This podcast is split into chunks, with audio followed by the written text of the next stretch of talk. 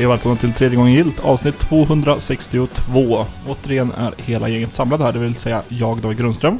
Jag Sandra Ferroni. Och jag Viktor Sjöström. Oj oj oj, vad, vad Vilken pepp! Ja, bra. Wow! alltid lika glada att se varandra. Jag fick micken som står nerifrån så jag kände att jag så här pratar ner. Då pratar jag lite mer försiktigt. Istället för den här glada, peppa radiorösten. Vi kanske skulle ha bytt, för jag är typ gömd bakom. Jag känner mig lite liten. Ja. Ja, vad har ni gjort sen eh, sist? Jag har sågs. podcastat. Har du? Jag Vad har du gjort? Inte podcastat. Men jag har, jag har även podcast, jag har varit otrogen mot den här podcasten. ah, just det. Va? Jag eh, gästade Öppna Öppna världar. världar, Jaha. i måndags. Eller ja, det publicerades i tisdags. Jag och Viktor Lejonhuvud satt och snackade om våra res- respektive debutspel i två timmar. Vad kul. Bara ni två alltså? Nej, vi var gästerna där. Ja, förlåt. Ja, ja, för det är Aron som har hand om det där. Så, Ja. Aron och dem. ja, jag kommer aldrig ihåg vad de heter, de andra. Det är ett ganska stort gäng tror jag. Eh, Så det kan man lyssna på om man eh, känner för att höra mer av mig av någon jävla anledning. Men ni körde via, ni körde inte liksom IRL om man säger så? Nej, Nej. det är över... Det var över, över Discord till slut, men det var lite krångel i början. Mm. Eh, Så vi övervägde att köra via Messenger, men det blev Discord i Till slutändan. slut. Men eh, nej, precis. Man, satt, man behöver inte sitta och blänga på varandra som man behöver göra här. När man eh, måste befinna sig i samma rum som fy. andra, andra människor. Så jobbigt. Det finns ju fördelar med att eh, podcasta inte på samma plats. Man kan sitta naken. Eh, Man kan göra någonting annat medan man Ja. poddar. Medan man är naken. Spela Binding of Isaac. Eh, jag föredrar ju definitivt att sitta så här och kunna Ja. se. Det är speciellt lättare när man, när man hoppar in och ut och väntar på att få prata. Att Mm. man kan ha visuella cues. Ja, Mm. jag håller med. De gångerna jag har poddat eh, på distans Mm. har varit... Det flyter inte på alls på samma sätt. Man Mm. avbryter varandra eller så sitter båda och väntar ut varandra och så blir det awkward och så... Nej. Mm. Men jag du, gjorde mitt bästa i alla fall. ja, du, du var jättebra på att försöka. Tack. Nej men det finns ju även riktiga fördelar med sånt där. Man kan prata med folk på distans och så vidare. Så det, Mm. det fyller ju ett, ett verkligt syfte. Och Ja, inte verkligen. på något sätt att, att klanka ner på det. Det är bara inte så vi gör det. Mm. Inte så vi rullar. Ja. Vad har ni gjort då? Wow. Det där, oh. Mik- mikrofonen eh, flög iväg lite grann. oj. Så. Eh, vad har jag gjort? Eller vad har vi gjort? Jag försöker fundera vad, jag, jag, vad vi har gjort. Måndags den här veckan var den dagen jag hade lite fritid. Ja. Nu har jag inte någon fritid kvar resten av veckan. Jo, jag vet vad jag har gjort. Jag har hittat en ny grej. Det här har jag gjort i, sen vi sågs. Vad är det för grej? Jag har, Mm. jag har blivit helt besatt av ehm, ASMR mukbangs. Uh, Alltså jag kan inte sluta titta på det här. Jag sitter, först och främst min sambo hatar det här för att eh, han hatar smaskande först och främst. ja. Men jag är helt galen i det här enda jag sitter och tittar på på kvällarna. Och så blir jag jättehungrig och så vill jag äta massa mat, speciellt nudlar för det ser så jävla gott ut. Mukbangs är alltså när man äter jättemycket mat i stream så att folk ska kunna äta med den och inte känna sig ensam. För att det är en grej i Korea, att man Precis. inte vill äta ensam. Men ASMR mukbangs är ju lite annorlunda. För Ja. då sitter, då, är det ofta, då handlar det oftast om att de har ett tema på maten de äter. Typ vissa är jättefancy och har kanske ett tema med färgen blå. Så då är det bara blå eh, mat eller godis eller bakelse eller vad det nu är. Eh, Säg en blå maträtt. och, eh, jello? Fast det är ingen maträtt. Nej, det, det är ju det. De kan väl det, färga ja, mat... ja, de gör väldigt mycket konstiga grejer. Mm. Men eh, då är det olika konsistens på, på allt de äter och det är såklart Olika nivåer av smask. Precis, och hela grejen handlar om att det ser gott ut och de smaskar väldigt mycket. Och eh, jag, jag tyckte det här var jätteäckligt i början, men nu är jag helt hooked på det. Men är smaskandet en grej i själva konceptet eller är det bara det att, eh, vad ska man säga, communityt har gått åt att eh, smaskandet eh, belönas i form av tittarsiffror? Det är en grej, det är helt klart. Ja, jag tänker om, om, man kan dra en parallell mellan smaskandet och skrikigheten i många Mhm. eh, YouTubers och influencers. Brukar inte vara så mycket skrikighet bland ASMR-youtubers, skulle jag tro. Right. Nej, Och sen Det finns det ju... behagliga ljud. Ja, och ASMR är så himla brett och samma med mukbangs. Så att det finns ju mukbangs där bara folk pratar och inte smaskar. Och när det är mukbangs och ASMR så finns det ju även de där man inte pratar alls. Eh, och de där man pratar tyst Mm. och smaskar. Men jag gillar inte när de pratar, jag vill bara att de ska smaska och äta. Ska jag bli hungrig. Jag känner mig mer och mer ur synk med verkligheten. Jag måste, jag måste visa er mina favoriter så får ni... Ja. eh, Jag såg lite grann du la upp på det, Instagram stories. Ska vi inte köra ett ASMR-avsnitt någon gång då kanske? Nej. Vi sitter och smaskar. Ja, precis. I en timma. Det är Så det har jag tveksam radio. Mm, och kolla Star Wars. Tuggummi-podcasten. Ja. Mm, kolla Star Wars har du gjort också. Mm, det har jag gjort inför den senaste filmen som jag måste se. Vad har du gjort David? Det är bara massa skit som är uppbokat i veckan. Eh, den här veckan så släpps i, i, imorgon, eh, eller igår när avsnittet släpps, så Torsdag. kommer nästa raid content för World of Warcraft. Mm. Eh, så det är någonting jag gör på min fritid, men det känns inte som min fritid för det är, ja, vi, vi ska progress raida och försöka Mhm. ta oss igenom Blackwing Lair som det heter. Eh, så det tar upp en massa tid. Min, eh, min flickvän fyllde eh, 29 igår, tisdags. Så Oh. då var jag firade henne. Vilket också är kul, men det är så här, ja, det är många saker inbokade nu. Mm. Eh, som gör att jag känner mig lite stressad över att inte bara kunna göra ingenting. Mm, jag förstår vad du menar. Man behöver lite paus ibland också. Mm. När kan du göra ingenting nästa gång? Nästa helg. Det blir kul för dig. Eller måndag efter jobbet. Men ja, Kan du fira genom att, jag vet inte, spela Death Stranding eller något? ja fy fan. Så vi in nyheterna. Ja, för det var ett försök till, till, till en segway, men Mm. eh, jag ångrade mig halvvägs igenom. Ah, jag ser där. Eh, Death Stranding i alla fall eh, är ju ett spel som går ut på att gå i typ 50 timmar och Mm. sen är man framme. Det är lite som Lord of the Rings-filmerna på så sätt. Det är mycket vandrande över karga landskap.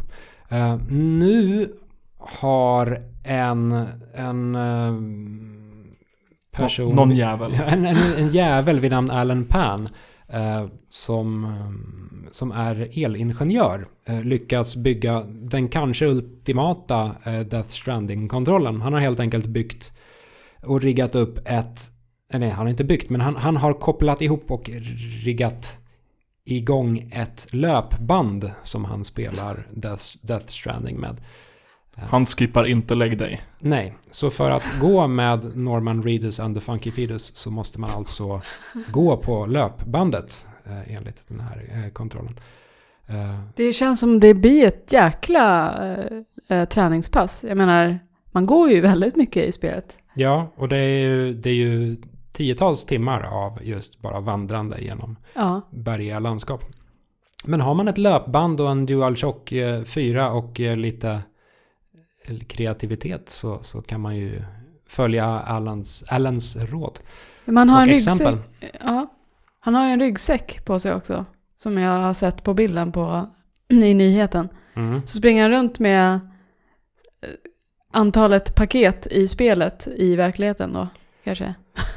Ja, Om han är alltså- så hardcore. Det hoppas jag verkligen inte att han har som, som riktlinje. Det ska se väldigt kul ut. Det ska väl dock sägas att om det är något spel som ska spelas med löpband, och nu är jag inte säker på att något spel verkligen ska spelas med löpband, men om det finns ett spel som man bör spela med löpband, då är det ju verkligen Coop. Death Stranding. Eller Coop, Ja. Spelet där gud, man fy fan. trillar omkull. Ja. Eh, Så, ja, tummen upp. Tummen upp för det. Men hur, Tydligen. men, men han, kör han med kontrollen medan han springer runt då, eller hur fungerar det? Jag vet faktiskt inte. Det måste bli jätteknäppt. Ja, för jag, jag har tänkt på det när jag kör, i och för sig det är inte alls samma sak kanske. När jag går och spelar Mario Kart Tour eh, så går det inte. Jag blir först och främst jätteyr, men sen går jag precis som jag kör. Mm. Det, det är helt omöjligt. Det är lite, som, lite som en treåring med en handkontroll när man spelar Mario Kart och så här svänger med kroppen. Ja, men jag märkte att folk trodde att jag var jättepackad när jag gjorde det sist, när jag gick från bussen. Så det blev Var du jättepackad?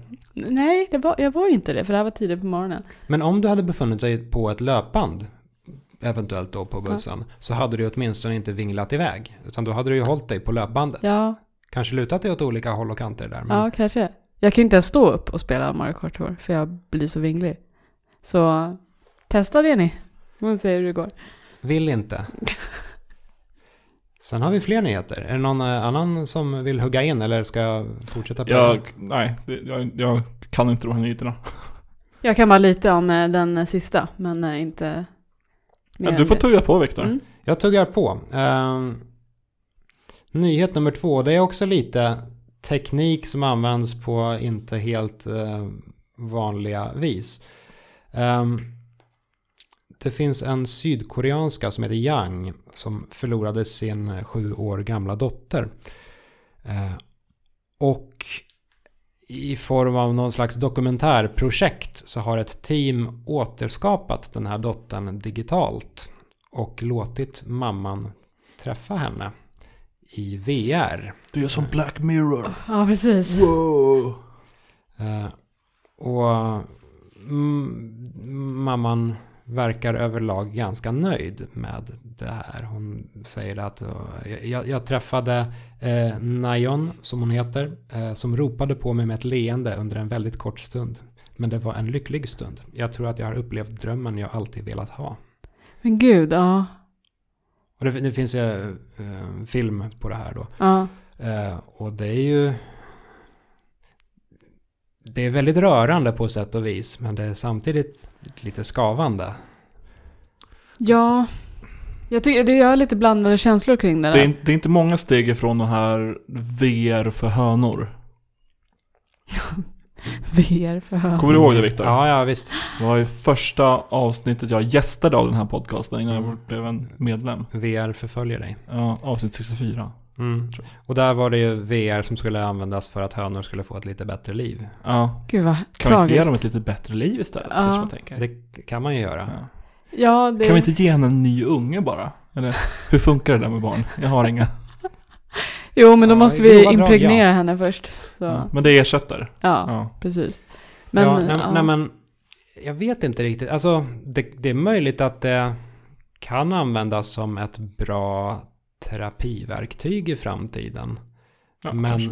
men det känns ju som att då bör man, då bör man ha koll på sitt shit. Och jag vet Mm. inte om ett så här dokumentärteam är rätt personer att avgöra den saken. Ja, jag kan tänka mig Mm. också Men jag är heller inte en psykolog eller läkare eller någonting som har koll på det här men Det, det kan kännas lite som att eh, Om du förlorar någon och så kan du få en VR-version att hänga med Att det blir svårare att släppa eller acceptera Mm. att personen är död Att man Mm. på något sätt Ja. stannar kvar i Det förflutna Ja, men det Mm. är lite det jag tänker också. Därför jag är lite splittrad när det kommer till det. För det är en fin tanke på ett sätt. Det kanske hjälper folk att komma över personen om de får ett sista avslut, säger vi. Eh, Men samtidigt så är det så att du har det här hemma, då känns det som att du är fast vid det och kanske aldrig lyckas komma över personen.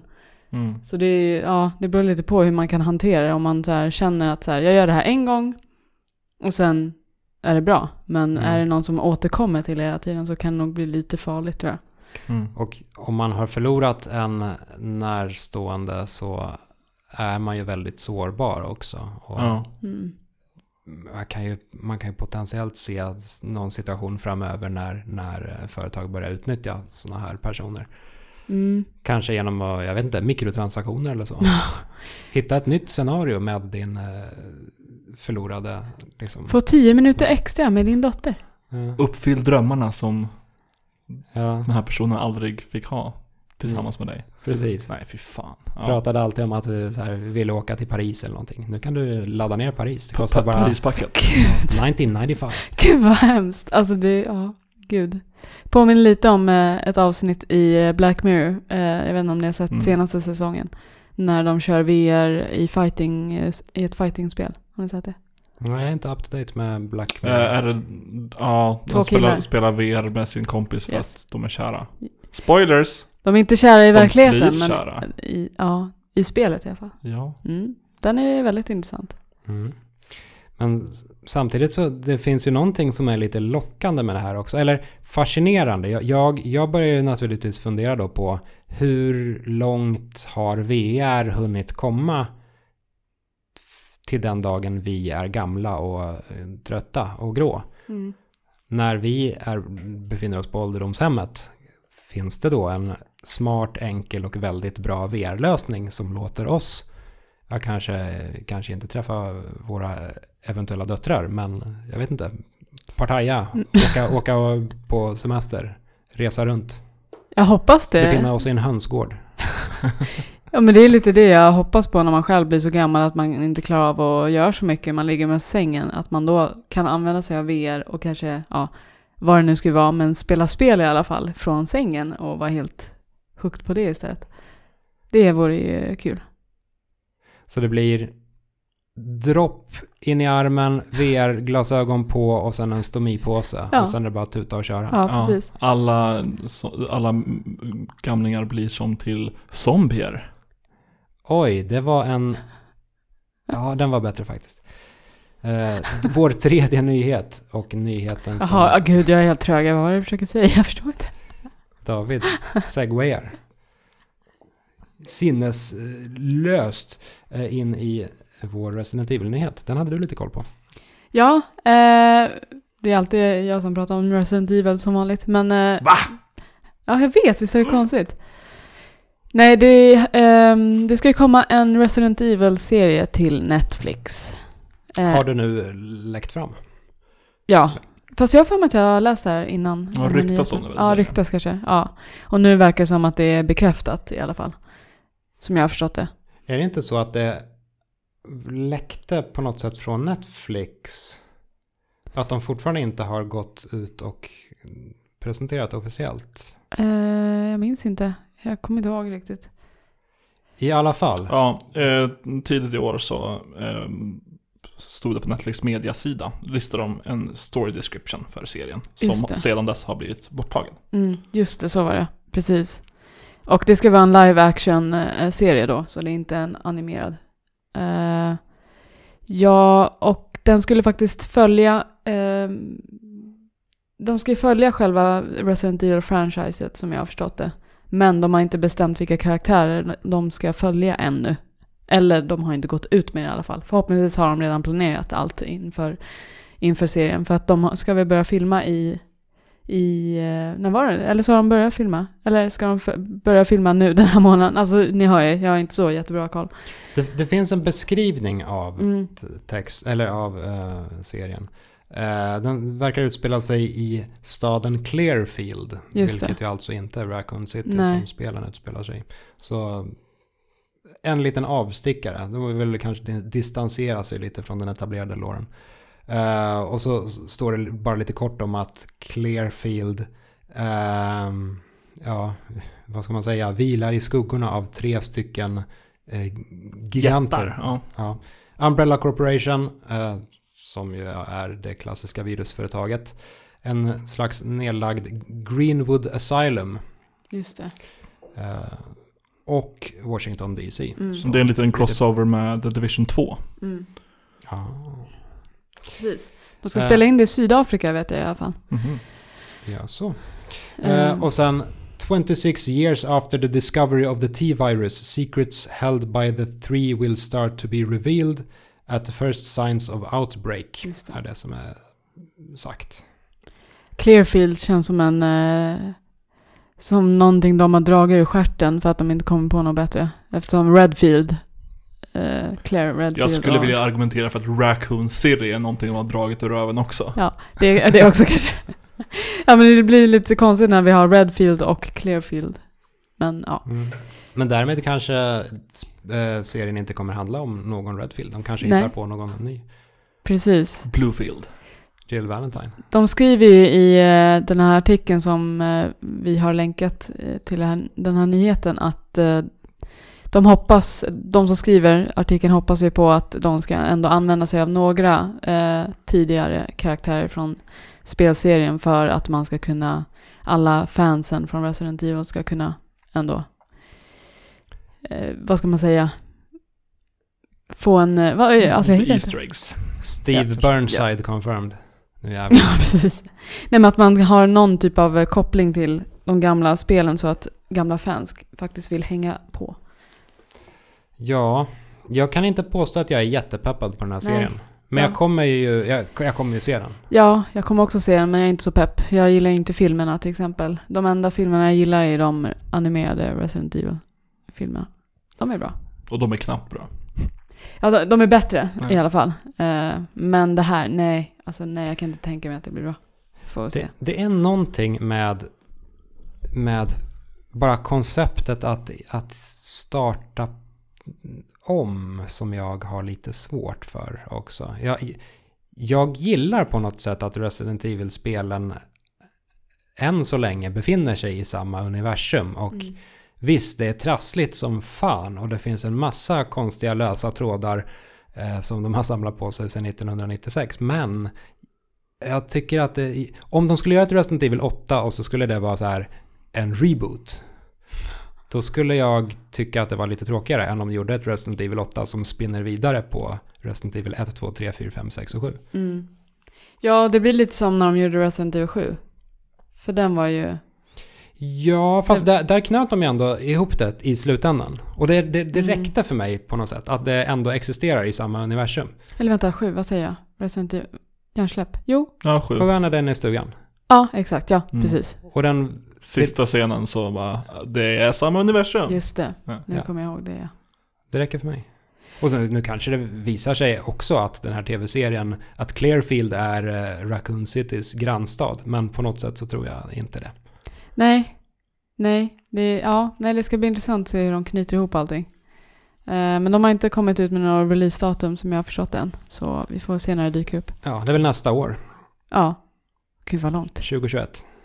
Ja, fast å andra sidan 2021, det är mindre än ett år kvar. Det är sant. Ja, eh, jag var lite förvånad över att det hade gått typ två år sedan Warcraft 3 Reforged eh, annonserades. Det släpptes ju nyss. Mm. Och det har tydligen varit försenat också. Alltså åren Ja. de springer förbi. Jag vet, det är hemskt. Snart är jag 40. Tiden går. Snart är jag 30. Ja. Snart har vi VR-hjälmar och eh, stomipåsar.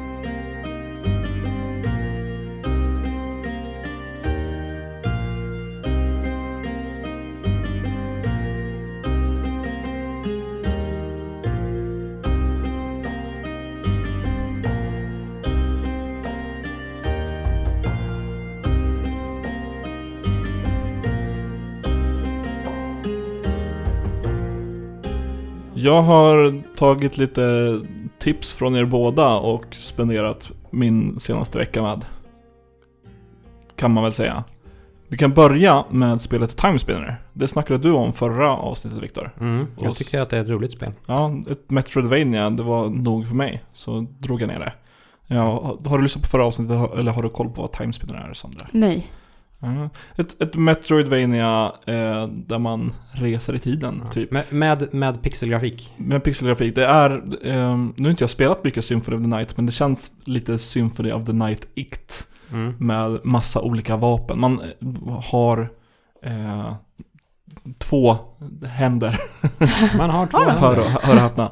Eh, vapnen här är någon form av orbs som är typ olika magier och när du använder dem så levlar du upp. Så då kan man dual-wielda dem där och låsa upp, börja med några blå som är bara enkla attacker och sen så låser man upp svärd och en hammare och en elattacker och skit. Mm. Eh, Så kan man mixa och matcha och ha tre olika uppsättningar, vilket var väldigt...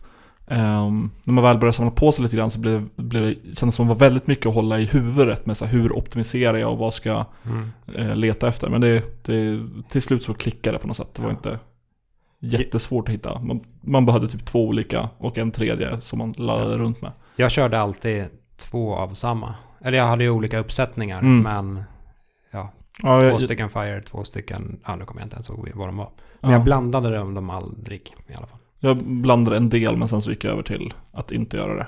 Eh, Så jag hade en som var lite ranged, en som var melee och Mm. en som var de här elgrejerna som skjuter homing över typ hela skärmen. Mm. Vad det nu heter. Eh, Som jag hade som någon form av backup. Mm.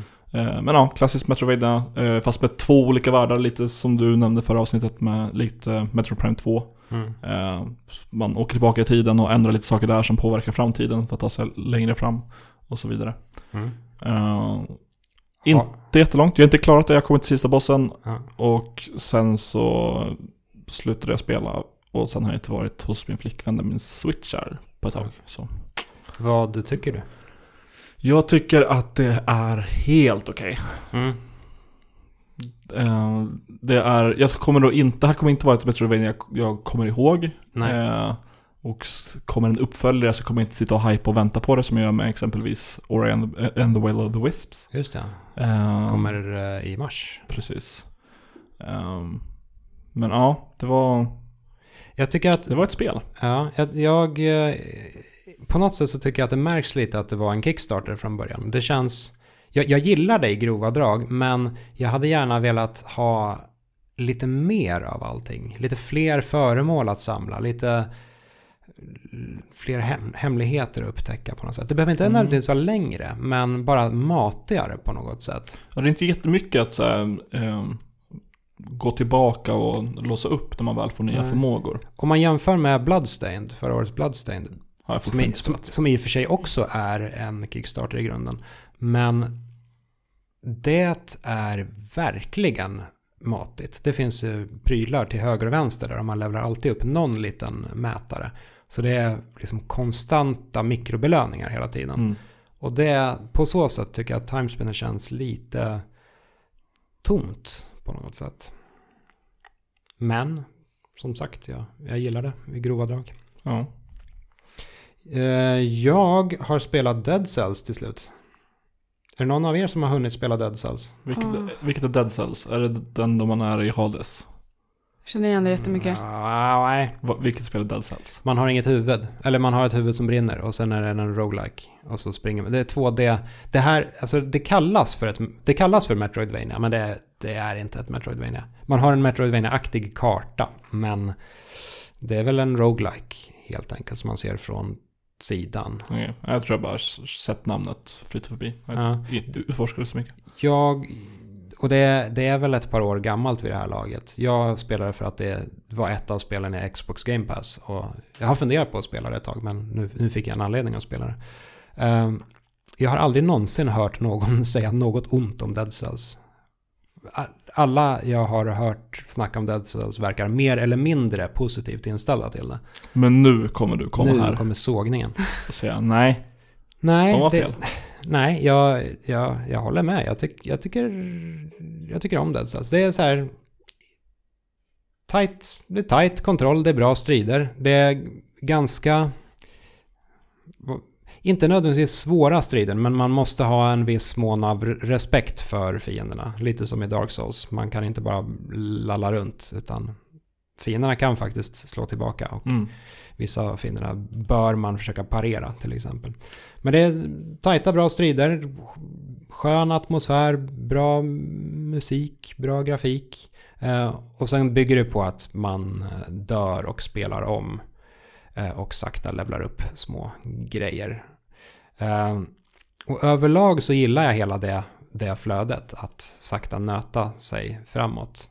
Eh, det, var, det var det jag inte gillade med A Robot Named Fight, som jag snackade om för några avsnitt sen. Att man inte får egentligen några uppgraderingar. Här, Mm. här får man ändå ut någonting av en runda. Eh, däremot så, jag, jag körde, jag körde, jag vet inte om man kan kalla det för att jag körde igenom det, men jag körde fram till en boss, vilket fick spelet att sluta. Och därefter så hamnar jag tillbaka i början och spelet uppmuntrar mig nu att höja svårighetsgraden för att det är så jag får ytterligare eh, celler som jag kan använda för att, Döda. hit, ja, för, för att hitta nya hemligheter. Mm. Och det intresserar mig inte så mycket. Jag vill inte riktigt spela om det här spelet på högre svårighetsgrader. Jag önskar att de istället hade lagt till nya banor där. Om jag ändå ska sitta och, och nöta. Eh, det har väl fått två expansioner vid det här laget har jag för mig. Eh, de har jag inte kollat på och det kanske, det kanske egentligen råder bot på det här problemet. Då, om jag skulle köra expansionerna så skulle jag ju få nytt, nytt content. Men jag får väl se om jag någonsin kommer dit. Jag, jag är ganska nöjd med att ha spelat igenom Dead Cells liksom en runda. Och jag rekommenderar det för en, en sittning, en runda eller så. Så. Det är ju inget Binding of Isaac, det hör jag. Nej, det är ju inte det va?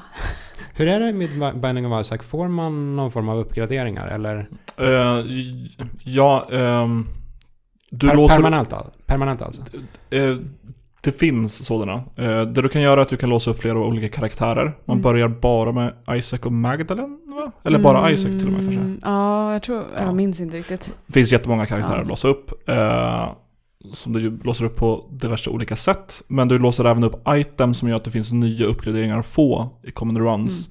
Och det jag kan veta som är en uppgradering som jag vet på rak arm är att det finns en karaktär som heter The Lost. Som var en sån här eh, arg eh, karaktär. Det, det var någon som gick till den här piren i San Francisco som finns på alla filmer och skit. Och så Mm. hittade de någon liten lapp med telefonnummer och skulle ringa. Det var en lång jävla arg. Eh, men sen så kunde man låsa upp The Lost. Eh, eller nej, det kanske var The Keeper. Skit i det fan. Ja. Eh, The Lost är i alla fall en karaktär som inte har några hjärtan, Mm. utan den dör på första attacken. Däremot, om man har på, på annat sätt låst upp ett föremål som heter Holy Mantle, så börjar den här karaktären med det. Mm, Jag tror det finns några andra sådana här karaktärer som får nya start-items Mm. när man låser upp dem. precis. Eh, så det är de uppgraderingar som finns. Man höjer inte sin HP eller eh, liksom Nej, sådana saker. utan Sin skada. man väljer vilken karaktär man startar med och de har olika HP beroende Mm. på. Right. Och HP, det kan du få mer av under spelets Mm. runda. Så då hittar du Precis. items som ökar. Precis. Så- permanenta uppgraderingar. Det Fan. spelar jag massa fortsatt nu. Igår tog jag eh, Blue Baby Mm, för första gången. nice. Så nu har jag kvar Mega Satan. Mm. Eh, jag måste klara Greed Mode och jag måste klara eh, Delirium. Mm. Och sen köra allting på Hard. Och sen Greedier Ja, Mode. du gör inte det direkt. Nej, jag, Jag kör allting hard. Det, det kommer. Och sen göra det på alla karaktärer. ja. Vi får se hur länge jag håller på. Mm. Eh, men det är inte det jag ville prata om. Jag ville prata om någonting som Sandra tipsat om, som Mm. jag har sett. Och det är Mandy. ja. Eh, Nicolas Cage-filmen. Mm. Eh, du, det kom senast upp på tal för, förra avsnittet, för Ja. du hade sett Color of Outer Space. Och det är Yes. också samma produktionsbolag ja. där. Så tänkte jag, ja men vad fan. Mandy fanns tydligen på Netflix. Mm. Så vi såg den. Jävlar vad konstig film det här. Ja. Eh, det, ehm, det är någon form av så arthouse som försöker se ut som en 80-talsfilm lite på samma sätt som typ eh, vad heter Quentin Tarantino-filmen med han som kör bil? Death, eh, Death Proof? Death Stranding, Ja. Death Proof, precis. Mm. Death Proof Stranding. Lite, lite åt det hållet med så här Ja. eh, grynigt och skumma färger och skumma, ganska eh, primitiva effekter Mm. eh, ibland. Eh, tillsammans med någon form av superuppskruvad version av Evil Dead. Ja, För precis. Nick Cage karaktär känns väldigt mycket som What's Ash. his face? Mm. Ash. Mm, inte riktigt, kanske inte säga groovy riktigt, men han har skumma one-liners och eh, ett Nicolas Cage-face. Mm. Eh, men det är bara draget upp till, till 11. Eh, Är det en bra grej? mm, inte min typ av film. Det var, det var lite för mycket koll... Den är svår att beskriva den här filmen kan jag säga. Ja, lite, det är lite för mycket skumt skit som slängs in för att kolla vi kan eller vad man ska säga. Det- är mer än... Jag skulle aldrig se om den. Mm. Alltså... Det, det, är lite för groteska scener också. Inte för att jag är särskilt pick utan var bara... Mm. Det, det tilltalar mig inte på något sätt. Nej, jag tror att man, man måste vara väldigt förtjust i en specifik typ av skräckgenre om man ska Ja. gilla det. Typ, man ska gilla gore till exempel Ja. om man ser den här.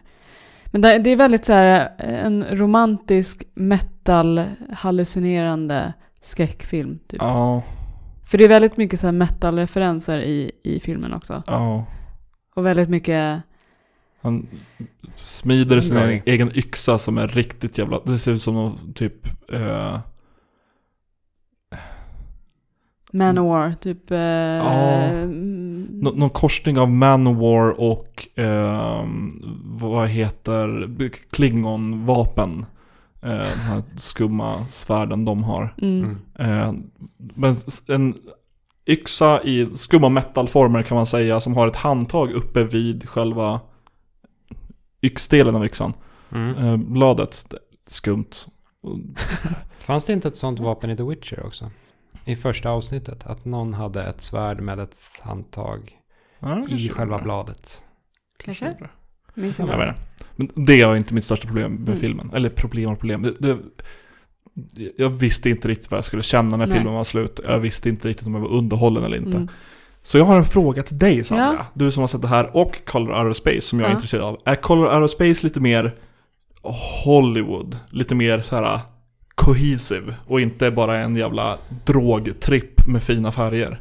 Den är ju lite så också. Ja. Det är väldigt mycket, det är lite trippande. Det är Ja. mycket färg of course, med tanke på vad titeln säger. Ja. Eh, men en färg kan man ju... att, att färg i sig har jag inte emot, men Nej. när kolla vi ändrar allting till ett rött ljus här mm. Men den är inte lika drogig. Nej. Nej, det är den inte. Den är lite mer...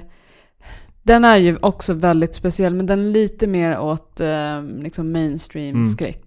Man förstår sig på den här filmen mer än, än Mandy. Okej. För Mandy kan vara verkligen så här, alltså man, i Mandy har de ju slängt in massa olika grejer. Det är ju en sekt, det är Mm. snoppar, det är Mm. Metal, det är konstiga färger, det är trippande. Alltså det är, det är väldigt mycket på samma gång. Gore och det, alltså det Mm. Det är väldigt mycket, väldigt långsamt. Ja, och väldigt romantiskt också på, på något konstigt vis. Ja, I, okej. I början av filmen i alla fall. Ja, jo. Men, Det var ett eh, väldigt fint sovrum. Ja, Ja. och, och Nicolas Cage, för första gången i mitt liv i den här filmen så tyckte jag att han var mysig. Jag tyckte han var så här, åh, han skulle jag vilja ha i min säng. Ja. alltså, han, de ligger och myser i sängen och då Ja. är precis det, är det jag tänker. Han, Ja. han får ligga där och vara en, en Jag, Gosig jag, jag tänkte att, för att jag är väl en i den stora massan som tycker att Nicolas Cage är inte särskilt bra, kanske fel ord. Mm. Alltså jag, jag, jag tilltalas inte av Nicolas Cage skådespeleri. Det är väldigt, väldigt teatriskt. Ja, det är det. Eh, jämfört med baseline Hollywood Mm. Eh, men jag, jag- kände under filmen, ganska kort mellan typ två scener. Mm. Så det är en scen när Nicolas Cage skriker, vrålar i så här sorg. I badrummet. Nej, innan den. När, okej. Där det inte är något ljud. Ja. Man bara ser hur han liksom Mm. så här, Ja, det minns jag. eh, hur det är jobbigt. Och det var så här, ja men det var, det kändes, här, det kändes. Mm. Och sen så var det scenen i badrummet ganska Mm. kort efter det som kändes som, vad heter vampyrfilmen med Nicolas Cage? A, B, C, D, Oj, me, inte ihåg. Det kändes så Ja. helt plötsligt. Eh, bara skumt överspel. Mm. Ehm, ja, jag vet Det är inte. det jag gillar, för jag gillar inte heller Ni- Nicolas Cage jättemycket tidigare. Mm. Men efter han har varit med i de här filmerna har jag gillat honom väldigt mycket. För han är, det som är kul i den här filmen är att han spelar sig själv. Om du minns det. Va? Han, han driver i filmen så säger han, alltså jag kommer inte ihåg vad han säger, men han säger typ så här: nu ska vi göra Nicolas Cage. Jaha, Typ som att han eh, missade driver jag. om att han, ja, att det är han. det visste jag. Så, men ja, det, han är väldigt eh, speciell i den filmen. Mm. Men jag gillar. Jag gillar den- scenen i, toalett, eh, i badrummet, inte i Inte jag. toalett. Just för att han bara så här blir arg typ och det bara flippar ur. Går runt i en toalett och dricker vodka och skriker. Ja. Men Ja. då måste du se Color of the Space. Ja, jo för jag, jag är fortfarande sugen på att Ja. se den. Jag blev lite mindre sugen efter Mandy. Ja. Men sen så kollade jag på en trailer och det känns, det känns mer... Det känns mer som en produktion och mindre som folk med pengar som får göra vad de vill Mm. utan någon riktig riktning. Men sen följer de ju också en redan existerande Mm. story. Så Precis. då blir det ju lite Precis. annorlunda. Ja, då ska jag göra det. Mm. Om du inte gillar färger så kan du alltid se Lighthouse. Den har Ja. inte en enda färg. Däremot har den Robert Pattinson som vansinnesrunkar och eh, Willem Dafoe som fiser mycket och pratar som en pirat. Den är faktiskt väldigt bra, väldigt bra faktiskt. Den låter... Mycket mistlur, Mm, mycket ja. fiskmås. Vart- mycket tuttar också, minns jag. Ja, Eller? ja, mer, mer skepparkrans skulle jag säga. Mer kum också. Va? jag vet inte om jag vill se. Två, två män i en fyr. Jag är för pryd för Inga färger. Bara vitt skum överallt. Eller skum är det inte, herregud. Mycket bra. Den tänker jag inte prata om däremot. Jag tänker prata lite, lite grann om Outer Wilds. Eh, Ett spel som tilltalade mig ganska mycket på förhand men som jag kanske inte kommer spela vidare i nu. Ehm, har ni kört Outer Wilds? Eller har... Nej men jag har sett NoClip-dokumentären även efter de sa om du inte har spelat så spela det nu för nu kommer spoilers. Aha. Så jag vet massa skit som händer. Jag känner igen eh, namnet väldigt mycket men... Mm.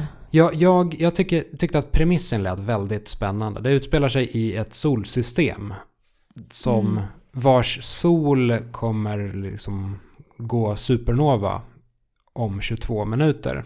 Okej. Eh, och så spelar man. Eh, Ja. och efter 22 minuter så är spelet över. Eh, för solen har ex- expanderat. Ehm, och sen börjar man om. Och man förstår inte riktigt varför man börjar om. Karaktären reflekterar lite över, så här, oj vad konstigt, jag är tillbaka här igen. Eh, men sen fortsätter man köra den här 22 minuters loopen, eller mindre då om man dör någonstans på vägen. Men man kommer hela tiden tillbaka till början av händelseförloppet. Och det här tyckte jag lät väldigt spännande. Eh, Det har heller inte några riktiga uppgraderingar. Eh, Vår, vad ska man säga? Vår, ja, vår, Vår podcast kräver uppgraderingar. Ja, dels det. Nej, men eh, en, en, en väldigt eh, fin herre som heter Hugo Bille informerade mig om att det här spelet numera tillhör subgenren Metroid Brainia. Vilket, eh, vilket jag Nej. Nej, helst inte. Eh, men i alla fall, därmed så har det inga uppgraderingar utan det man samlar på sig är kunskap om världen och om händelseförloppet. Och så använder man sig istället av den för att ta sig vidare. Eh, och det kanske, kanske potentiellt är en bra idé. Eh, det har, det, det har en jävligt skön mystik också. I och med att man inte riktigt vet vad som försiggår i det här solsystemet. Och det, det ska säga att solsystemet består av små planeter. Lite så här Mario Galaxy-aktiga. De är så Mm. pass små att man ser krökningen på dem och man kan springa runt dem. Eh, Och så har man ett rymdskepp som man kan åka runt med. Eh, Och allting går sömlöst. Så man går in i rymdskeppet och så åker man iväg till nästa planet samtidigt som man befinner sig i rymdskeppet och ser hur planeten åker förbi. Som No Man's Sky fast på en rimlig skala. Ja, lite så. Eh, och det, det, det har en skön, så här, mystisk känsla i början. Man, man har en ljud, vad heter det, ljudupplockarpistol, riktad mikrofon, en sån här som Mm. Snake har i Metal Gear Solid 2. Shotgun-mikrofon. Ja, typ. Eh, och den kan man rikta åt olika håll och så en av de första grejerna man, eller i alla fall jag upptäckte, det var att någonstans ute i rymden så, så hör jag ljudet av ett munspel Okej. som spelar där. Och så kan man se så här, den riktningen. Där borta någonstans har vi munspelet. Och det tyckte jag var lite coolt. Mm. Det här borde verkligen vara min grej, men av någon anledning så klickar det inte riktigt med mig. Är det jag- för lite fysik? Ingen Kanske. ragdoll. Kan vara. Nej, jag... Dels så är rymd... En sån banal grej som att ry- rymdskeppet är ganska svårstyrt och lite klumpigt att ta sig in i och ta sig ut ur och så. Så bara den rena klumpigheten där. Sen kan det även vara bara någon form av rena koncentrationssvårigheter från min sida. Att jag inte riktigt är i rätt läge i, för att spela det här spelet just nu. Jag, jag vill ha mina uppgraderingar. Och jag får inte mina uppgraderingar. För det här är ett Metroid Brainia tydligen. Men jag, jag, jag rekommenderar ändå folk att kolla in det. För det är en intressant premiss.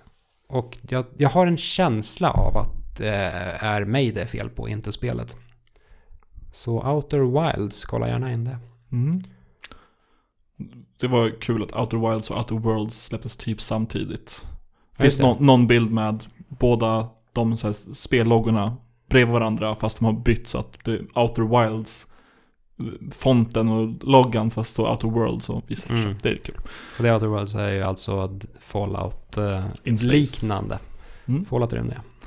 Eh, sista jag vill prata om är nya Netflix-serien Lock and Key baserat på en comic book av samma namn. Har ni sett eller läst? Nej.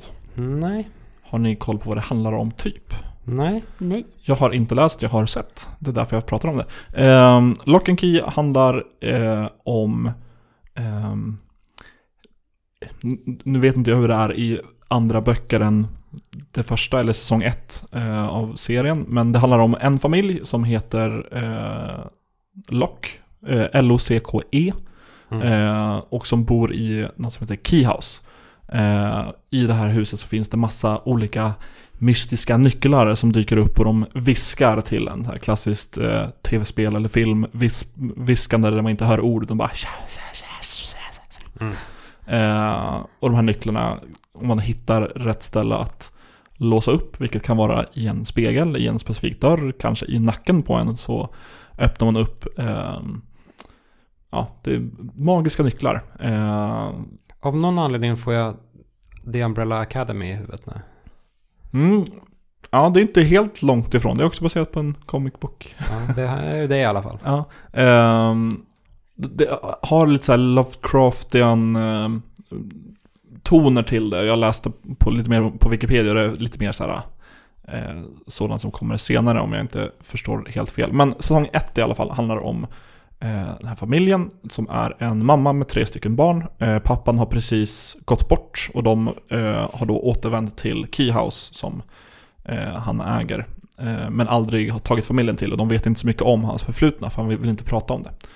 Eh, och de vänder sig dit för att försöka få någon form av koppling till sin, eh, eller framförallt eh, frun eh, i, i eh, familjen vill dit för att få någon form av koppling till sin eh, avlidne mans förflutna och få någon form av avslut eller Mm. Ja. känna någon form av ro. Eh, och barnen börjar upptäcka de här nycklarna. Eh, De kunde ju ha testat VR annars. Ja, det, det, det, har fan någonting där.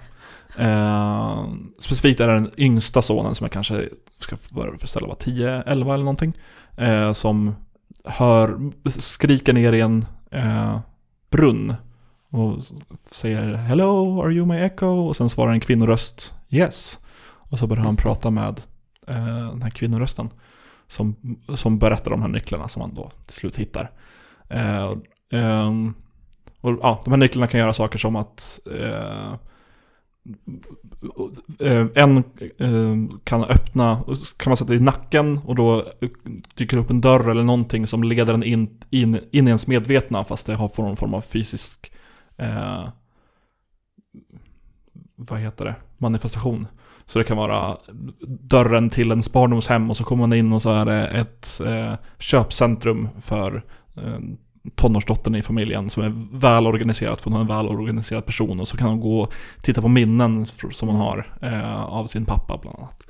Eh, och folk kan följa med in och sen upptäcker de att de kan lämna saker i det här eh, och då exempelvis en bok med historien om den lilla stan de flyttat till och sen så kan de allting om från den här boken rätt ut, upp, upp ner i huvudet. Mhm. Och så är det ja, massa skit som händer och det är, allting är inte som det verkar och någonting ont eh, lurar under eh, eller bakom allting. Är det någon fantasy eller skräck eller?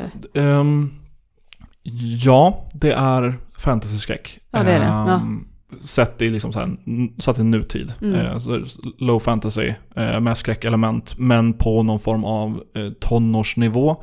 Det, Mm. Jag skulle liksom vilja jämföra det här med serier som typ eh, Sabrina Mm. serien och eh, lite mer Lite mer tonårsfokus än kanske Mm. vuxen. Alltså premissen av serien är Mm. så jävla cool. Mm. Eh, att det för en vidare mellan varje avsnitt. Jag tyckte jättemycket om den här. Men karaktärerna, jag vet inte om det är skådespelet, men jag tror det snarare är dialogen och hur, hur det är skrivet och hur karaktärerna beter sig. eh, Gör mig så förbannad. Det är så klassiska tropes som att de alltid splittar upp. Ah, gud. Ehm, de börjar bråka om dumma saker trots att det finns fucking magiska nycklar. Mm. Ja. S- vilket ka- kan vara ett störelsemoment samtidigt som det ändå är en intressant, det, det är då, dåliga karaktärer med intressant story. Mm. Och det finns även bra delar av karaktärerna också. Eh, och riktigt så här, sorgliga eller ja, jobbiga eh, moment i serien. Eh, och glada, lyckliga moment. Mm. Eh, där, där man, på något sätt hejar man ändå och bryr sig om karaktären. Man blir bara irriterad. Den här Mm. klassiska, gå inte in i den där jävla dörren, Mm. vad fan håller du på med? Eh, som en tråkig trope som jag tycker man ska ta bort Ja. Allt man skriver. Eh, Det låter lite som... en rimlig eh, förklaring för varför dina karaktärer hamnar Ja. i den här skiten efter reglerna och sätter upp istället Mm. för att bara nej men jag ska gå in hit nu. Ja, precis. Sånt där är jättestört. Mm. Men det låter lite som en Stranger Things-serie. Lite Mm. samma grej. Ja, det är, mm, ja. Stranger Things är absolut bättre. Eh, Ja, i alla fall första säsongen. Andra och tredje också, alltså jag tycker Ja. de är skitbra. Mm. Eh, folk som snackar skit om dem andra säsongen, de har fel. eh, första säsongen är absolut bäst Ja. eh, av, av Stranger Things, men ja. Men ja, Lock and Key kan jag varmt rekommendera. Är det, finns det bara en säsong ute nu eller? Ja, den, Mm. den släpptes nu förra fredagen. Ja, okej. Ja, men då så. Eh, Du kan varmt rekommendera den trots att den gör dig förbannad. ja, för att det, det är en sak som gör mig för- gör mig förbannad, men allt annat får mig att kolla vidare och det tillfredsställer. Det är bara skit, skitkaraktärer ibland, men bra story, eh, intressant koncept eh, och ballt. Bara allt. Allmänt Ja. ballt. Mm. Ja. ja, man kanske ska se den. Mm. Eh, si- sista grejen för det här avsnittet då av, av tredje gången gilt. Eh, jag har sett filmen Parasite och det har väl du också Sandra? Ja. Fast jag har inte sett typ de sista tio minuterna. Va? För jag somnade. Det gör, gör det. Det händer saker de sista tio minuterna. Ja. Jag, Jag, jag inte- vill ju höra vad du tycker, men jag, jag Ja. har så svårt att förstå vad som är så bra med den här filmen. I'm sorry. Eh, ja, precis. Den här vann ju en Oscar för bästa Ja. film Mm. eh, för mindre än en vecka sedan. Mm. Inte bästa utländska film, utan bästa film. Bästa Ja. film Punkt. ever.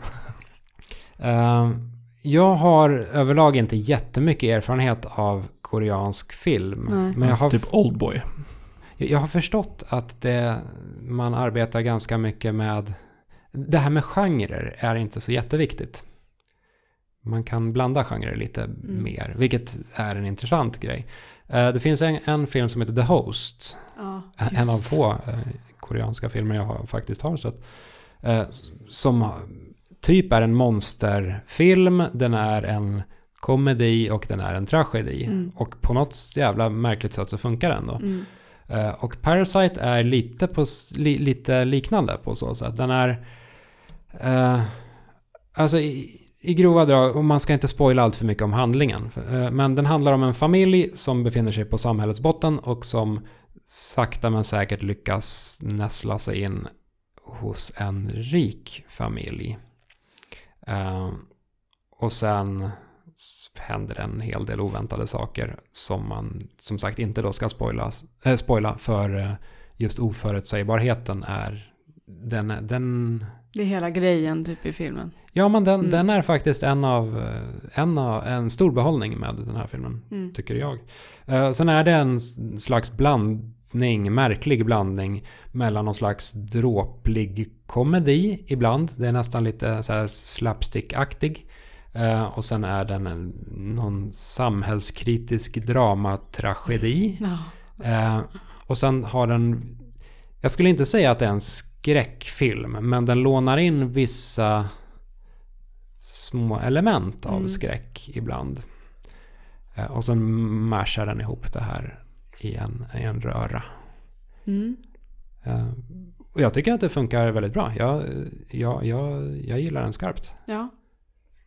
Jag vet inte om det bara är så att jag kanske bara var omotiverad att se filmen från första början och sen så brydde jag mig inte så mycket. Men det är en film som jag vill tycka om.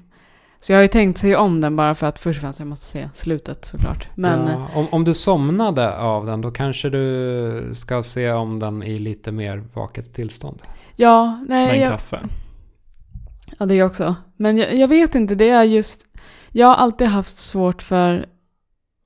Ja, jag vill inte generalisera, men japanska, koreanska och kinesiska filmer tror jag. Eh, för de har ett väldigt eh, speciellt sätt att uttrycka sig. Eh, inte bara i film utan i verkliga livet också. De, Mm. de eh, hur ska man säga? Jag vill inte säga att de låter som att de överreagerar, men de har en annan pitch på oss. alltså hur ska jag säga? Ni vet Ja, ju, de jag låter väldigt... eh, förstår definitivt när det kommer kanske framförallt till typ, så här, jap japansk eh, japanska. Ja, men det är väldigt... väldigt känns mycket och Ja. högljutt. väldigt att så här, Lite, de, lite som Nicolas Cage. Ja, fast hela tiden. Med alla, typ. Nej, men det låter som att de är väldigt um, ledsna eller arga eller glada hela tiden. Så här, extremt mycket av allt. Och jag har lite svårt att förstå det ibland för att jag, jag förstår liksom inte när, eftersom jag inte kan språket så för mig så förstår jag inte när det är seriöst. För att det känns som att det är på skämt på något vis. När de blir så här, som ibland när de är jättesura, då låter de ju nästan glada. Uh, och jag har lite svårt att liksom förstå det, så för mig tar det ifrån lite från filmerna. När jag försöker se en, en, film, en koreansk film till exempel. Så för att jag förstår mig inte på deras, vad ska man säga? Deras, Maner. Ja, men precis. Det, Mm. Hade du sett The Host? ja fast jättelänge sedan verkligen. Vad tyckte du om den? Jag har för mig att jag tyckte den var bra, men jag, jag kommer inte ihåg någonting. Men jag vill, jag vill ju lära mig tycka om det, för jag har sett Oldboy också. Ja. Det var också en sån film som jag... Den tyckte jag var skitbra. Jag kommer inte ens ihåg den heller, men... Väldigt jobbig. Ja, den är, ja, precis. Det var en film som jag också ville tycka om. Jag borde i och för sig se den den idag, nice? när jag är vuxen. Men, Du ser den amerikanska remaken? åh gud. Gör inte det? Nej. Vad är det? Nej, men de är så bra på mycket annat, så jag vill ju gärna tycka om de typerna av filmer. Så, så, nej, jag ska se om den, ska jag helt klart göra. Och sen får jag ge den en till chans. Ja, jag är Mm. sugen på att se den också. Är Ja. det en bioaktuell eller är det... Jag vet Jo. faktiskt inte Jag tror den är fortfarande ute. om den går på bio fortfarande. Ja. Ni har köpt den på Blu-ray eller? Jag vet inte om den går på bio. jag har den på kan, kassett. vi kan säga så. Ja. Okej. Ja, det är Ja. väl vårt spelat segment. Ja. Ja. Se Parasite, jag rekommenderar den. Mm. Yes. Vi har fått in en kommentar. Från Martin Hovmöller. Ja. Eh, angående förra avsnittet. Och han skriver att Bojack är bästa tecknade serien sedan Futurama var roligt. Also, Time Spinner är rätt meh efter några timmar. Ja. Det är väl sant. Mm. Har du sett då Bojack då? Jag, jag, har- jag har sett kanske fyra, fem avsnitt nu. Mm. Uh, ganska rolig, än så länge. Ja, jag tror det är avsnitt 7 och 8 som den sätter tonen. All right. Eh, vilket är en kul grej för, för eh, när episod, säsong 1 skulle komma så skickade de ut de sex första avsnitten eh, i regel till folk som ska recensera det. Mm. Så de hade inte alls, eh, liksom den sätter upp massa grejer inför avsnitt 7 och 8. Ah, right. Så, så de har inte det när de ska bedöma serien. Ja. Det är kul. Än så länge så, ja, som sagt, jag har inte kommit så långt. Fyra, fem avsnitt Mm. kanske. Och eh, som sagt, gan, ganska kul. Jag är inte helt såld än, Nej. än så länge. Men jag kan absolut tänka mig att kolla vidare. Mm. Har du sett Bojack Horseman? Ja, jag tror jag har sett första säsongen, men jag fastnade inte riktigt för den serien. Nej, fel på dig. Ja. Eh, Du gillar ju inte Parasite heller. Nej, precis. Jag gillar ingenting. Eh, och att Time Spinner är rätt med efter några timmar. Ja. Alltså, Fast det är bara några timmar långt. det är ja. Jag tänkte på, på det här att det är inte som att det blir dåligt mot slutet. Nu har inte jag klarat av det, jag tror att jag är på sista bossen. Eh, det är mer att det slutade vara kul mot slutet. Att eh, det inte höll så länge. Right. Ja. Det är inte tråkigt men det är, så här, det, det är helt okej. Ett helt okej spel. Ja. Spela det. Du med. Ja. Eh, vill du lämna en kommentar på det här avsnittet kan du göra det på vår Instagram, det heter tredje gången podd. Du kan också skriva till oss på Twitter, där jag heter atagespring. Jag heter at Sandified. Jag heter att Victor underscore Sjustrom och så finns jag som sagt även i Öppna Världar avsnitt 44. Jag är ute och flänger utanför den här podcasten. Det Ah. avsnittet heter The Victors, Ja, tror jag. jag och Victor Lejonhuvud snackar skit. Tack och hej. Hej då!